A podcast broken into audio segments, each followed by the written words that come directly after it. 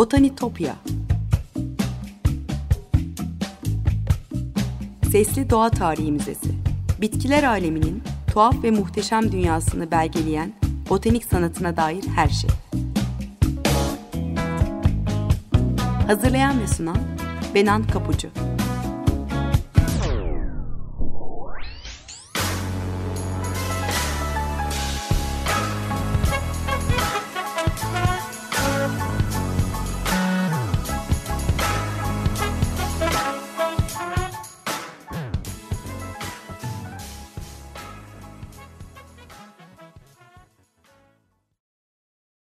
Merhaba sevgili Açık Radyo dinleyicileri. Botanitopya'ya, bitkiler aleminin tuhaf ve muhteşem dünyasına hoş geldiniz. Anlatıcınız ben Benan Kapucu.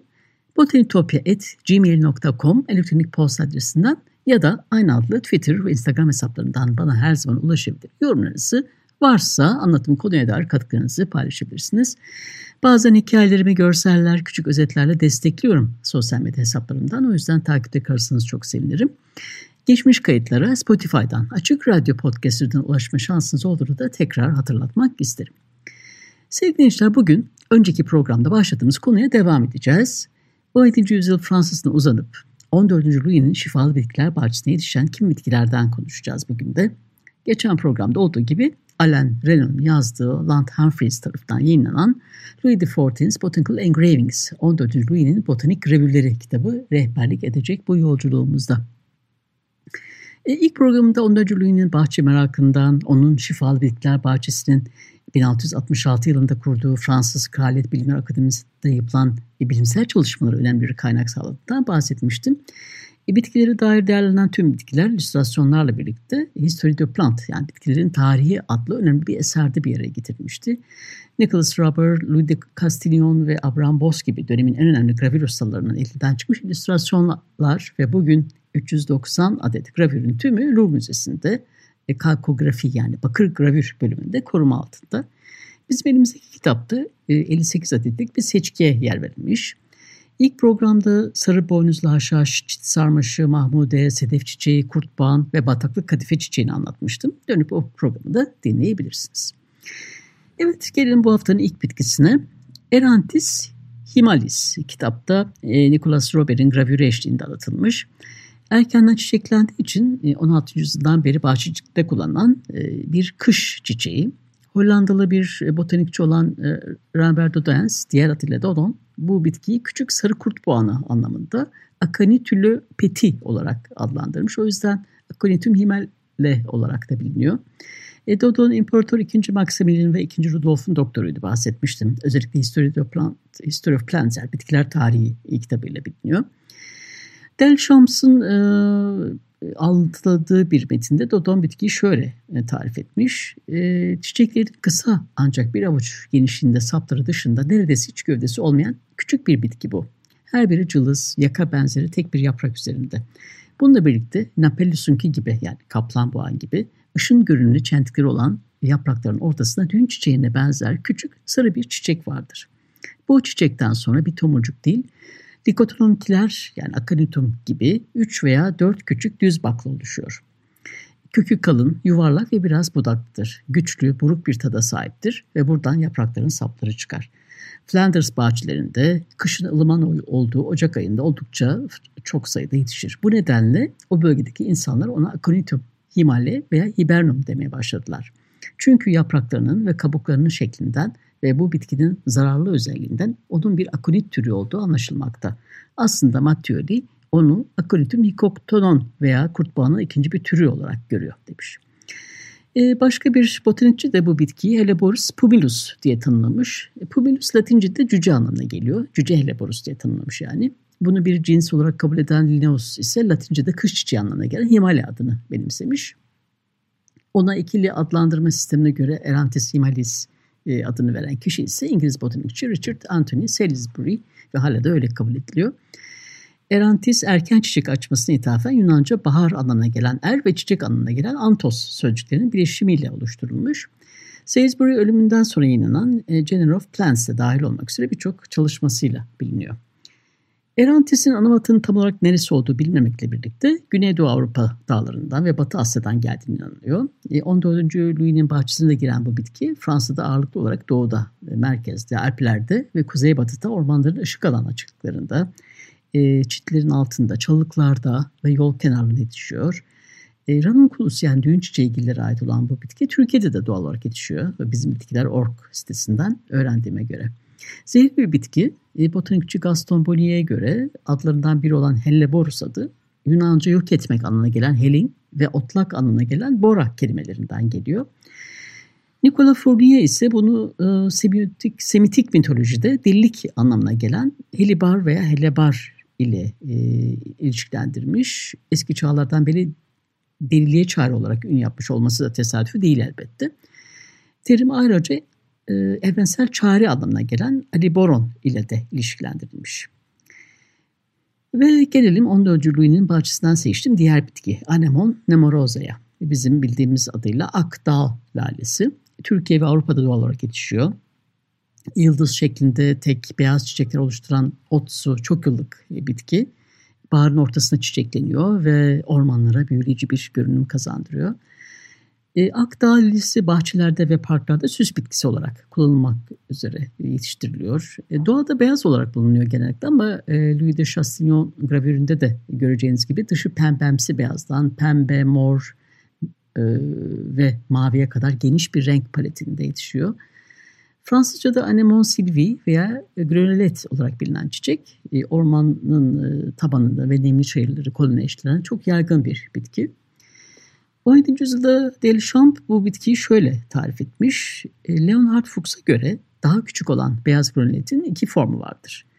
Biri Dioscurdes'in tarif ettiği beyaz çiçekli olan formu, diğeri sarı çiçekli formu. İlki üç yapraklıdır. Diğer e, granite göre daha tırtıklı formu vardır ve bunların arasında soluk beyaz çiçekler görünür. Kökü cılızdır, altında çok sayıda tüylü kök bulunuyor ve yerin derinliklerine kadar uzanıyor. İkincisi yalnızca çiçeklerin sarı olması bakımından farklıdır. Hem Radunculus parvus hem de Nemorensis olarak adlandırılır. Ormanlarda, hendeklerde ve nemli, gölgeli yerlerde yetişirler diye anlatmış. E, çok buruk, yakıcı ve zehirli olduğu bilmesine rağmen bu bitki yine de felç, uyuz, e, saç dökülmesi, diş ağrısı ve diğer rahatsızlıklar için popüler bir çare olarak kullanılmış. Aneman adı bitkinin en ufak bir rüzgar e, kıpırtısında hareket etmesi nedeniyle Sanskritçe bir kökü olan ve esmek anlamına gelen aniti ve Yunanca'da rüzgar demek olan anemos sözcüklerinin birleşiminden oluşuyor. Ayrıca Latince animus, anima yani ruh kelimeleriyle ilişkili. Fransızca Sylvie e, adı Fransızca savaş, vahşi kelimesine kökenlendiği Latince orman anlamına gelen Salviticus'tan geliyor. E, Anemon bitki mitoslarında Adenus, e, Adonis ile ilişkilendiriliyor. E, Suriye kökenli bir efsanede şöyle anlatılır. Suriye kralı Tesias'ın Mira veya Smirna adında bir kızı vardır. Bakıcısı Hippolyta'nın yardımıyla babasının kötülüğünden kaçan Mira kendisine yardım etmeleri için tanrılara yalvarır ve onlar da onu bir mür ağacına dönüştürür. 10 ay sonra ağacın kabuğu soyulup açılır ve Adonis adı verilen bir bebek ortaya çıkar. Afrodit çocuğun güzelliğinden etkilenir ve onu olarak büyütmesi için yeraltı tanrıçası Persephone'yi verir. Ancak çocuk büyüdükçe bu kez Persefone ona aşık olur ve onu geri vermek istemez.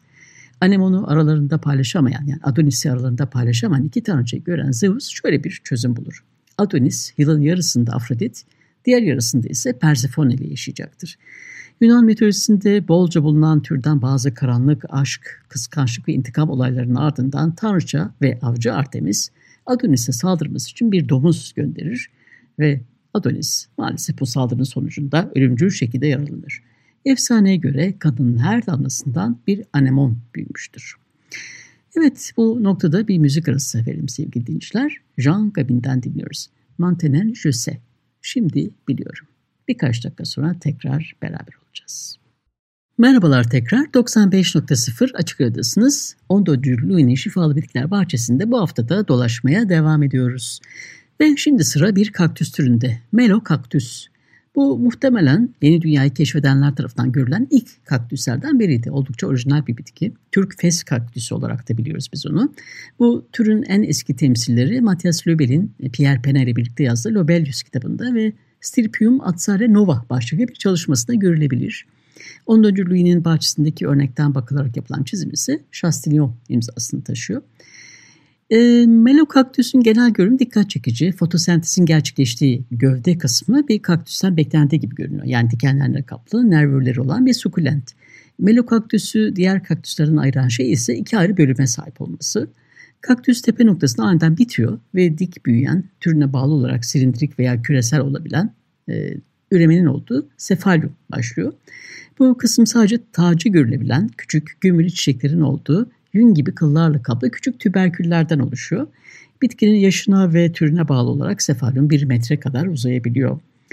Çiçeklerin özgünlüğünü bir kenara bırakırsak bu kaktüs, kaktüs ailesinin diğer üyeleri gibi bulunduğu ortamın kurak koşullarına çok iyi uyum sağlayabilmiş. Uzun kökleri uzaktan e, su aramasına veya toprakta iyi bir tutunma sağlamasına olanak ta tanıyor. E, bitkinin tepesinde böylesine heybetli bir çiçek uzantısı olduğunda bu önemli bir ayrıntı. Melokaktüsün bazı e, türleri kendi kendine ürerken kimi türleri de tozlaşma için sinek kuşlarına, böceklere ve hatta kertenkelelere ihtiyaç duyuyor. Melocactus chitispinus ve Melocactus macrocanthus e, türlerinin tohumları e, Chemitophorus murinus rutveni dahil olmak üzere çeşitli böcekler, kuşlar ve kertenkeleler tarafından yayılırken Brezilya Melocactus için bu işi iguana giller üstleniyor. Şaşırtıcı bir şekilde Döleşant da 1615 gibi erken bir tarihte bu kaktüsten bahsetmiş ama kaktüs değil deve dikeni diyor. E şöyle e, yazmış hem nadir olması hem de güzelliği nedeniyle buraya bir tür yabancı deve dikeni eklemeyi unutmamalıyız. Pena tarafından yapılan bitki portresi ve tasvirini dahil ettik. Bu deve dikeni diyor yeni dünyanın batı adalarında özellikle de İngiliz denizcilerin oradan Londra'daki eczacı Morgan'a getirdikleri Santa Margarita'da doğal olarak yetişiyor. Bu nedenle Echinomelocactus veya Melocardus echinatus olarak adlandırılıyor. Yuvarlaktır ve tepesi topaç biçimdedir. 14 yivli ve kalın nervürlüdür ve ipeksi saçlar olan enginar gibi çıkan bir nevi düzleştirilmiş bir tabaka oluşuyor. Bu nervürlerden kirpi dikeni veya boynuz kadar sert sivri dikenler çıkıyor. E, ama içindeki et beyaz, yağlı, gevşek ve yumuşak. Kavunun etli meyvesi ya da hayvansal yağ gibi bir şey. Tatsız ve biraz ekşimsi ama nahoş değil. Denizciler gibi bu bitkiyi yerinde görenler bu deve dikeninin deniz kenarındaki kumlu yerlerde yetiştiğini söylüyor. E, olgunlaştığında orta veya büyük bir kavun büyüklüğüne ulaşıyor. Yaprakları görünmeden yere düz bir şekilde büyüyor. E, Batı Hint adaları, Ekvador, Peru, Venezuela ve Brezilya'da Meksika ve Orta Amerika kıyılarında 2000'den fazla melokaktüs türü yetişiyor. Ve gelelim bir başka bitkiye. Sculimus e, maculatus.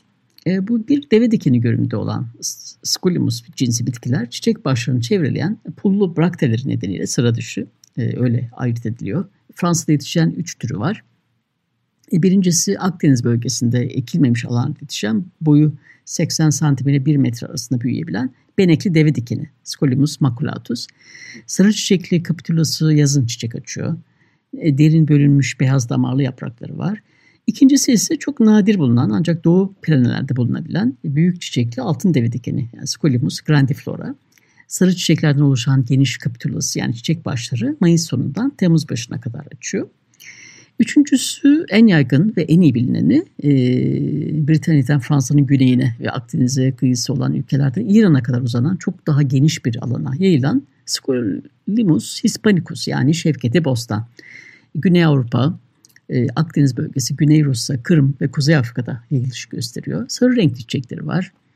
70 santim kadar uzayabilen 2 yıllık veya çok yıllık otsu bir bitki. Haziran ile Ağustos aylarında çiçek açıyor. Atıkların olduğu topraklar, yol kenarları, e, nadas yap, e, yapılan tarlalar yetişiyor. Birçok ülkede ayrıca oldukça çok popüler. 14. Louis'nin kraliyet bahçesine de yerleşen bu bitki Fransa'da yaygın olarak Chardon de Span yani İspanyol deve dikeni, epinjon yani sarı diken, karduz, karduil e, adlarıyla biliniyor. Delchamp'ın e, 1615'te tanımladığı gibi bir beslenmede yani beslenmede, gıdada kullanımı antik çağa kadar uzanıyor. E, Theophrastos'un Scolymus'tan gelince sadece pişirilinde değil, çiğ olarak da yenen bir kök avantajına sahip bitki çiçekteyken mükemmel bir yemek diye yazmış. Yüzyıllardır toplanan bu yabani bitki ancak çok yakın zaman yetiştirilmeye ve kültür alınmaya başlamış. 1848 tarihli Le Bon Jardinier pour un yani yılın iyi bahçıvanı adlı kitapta bazı ayrıntılardan bahsediliyor. Şöyle yazıyor. Dayanıklı veya 3 yıllık bir bitki. Uzun, etli kökü bitkinin bol miktarda yetiştiği Provence ve Languedoc'ta sebze olarak kullanılıyor. Montpellier'de ise bitki karduil olarak bilinir.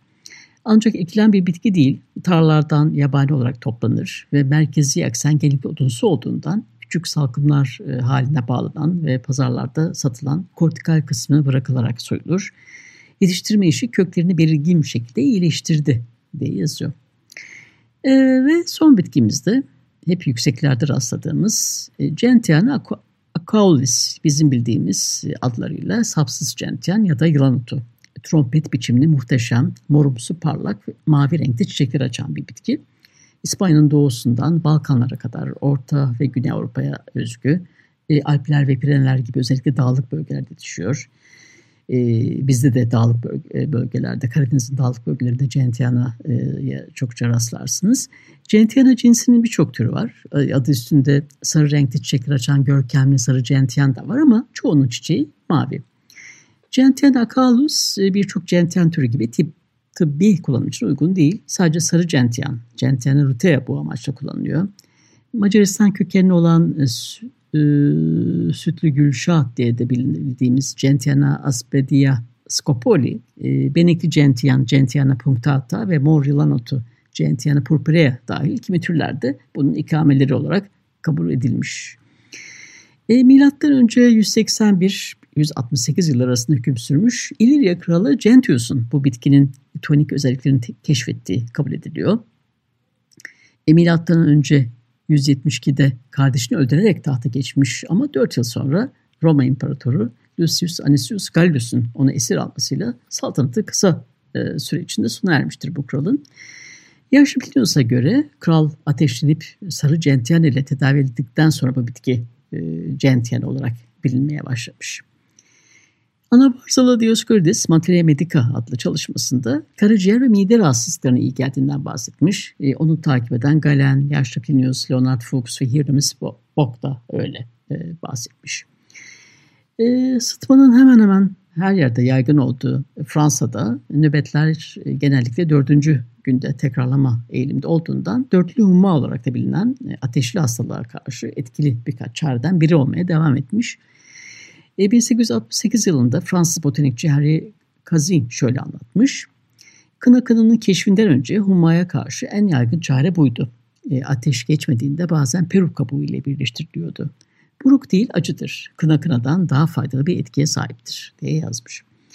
E, uzun yıllar boyunca gentian kökü sindirim ve safra fonksiyonu için bir tonik ve ateş düşürücü olarak kullanılmış. Mide tedavisi için kullanılan gentian özüne dayalı bir ilacın ilk e, o ilacı ilk geliştiren kişinin de Dominikli bir keşiş ve simyacı olan Aziz Albert olduğu düşünülüyor.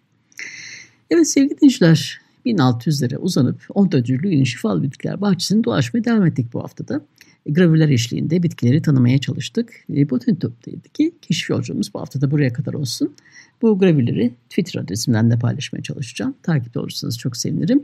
Program destekçilerime gönülden teşekkürlerimi iletiyorum. Bir daha görüşünceye dek sevgiyle ve duayla kalın.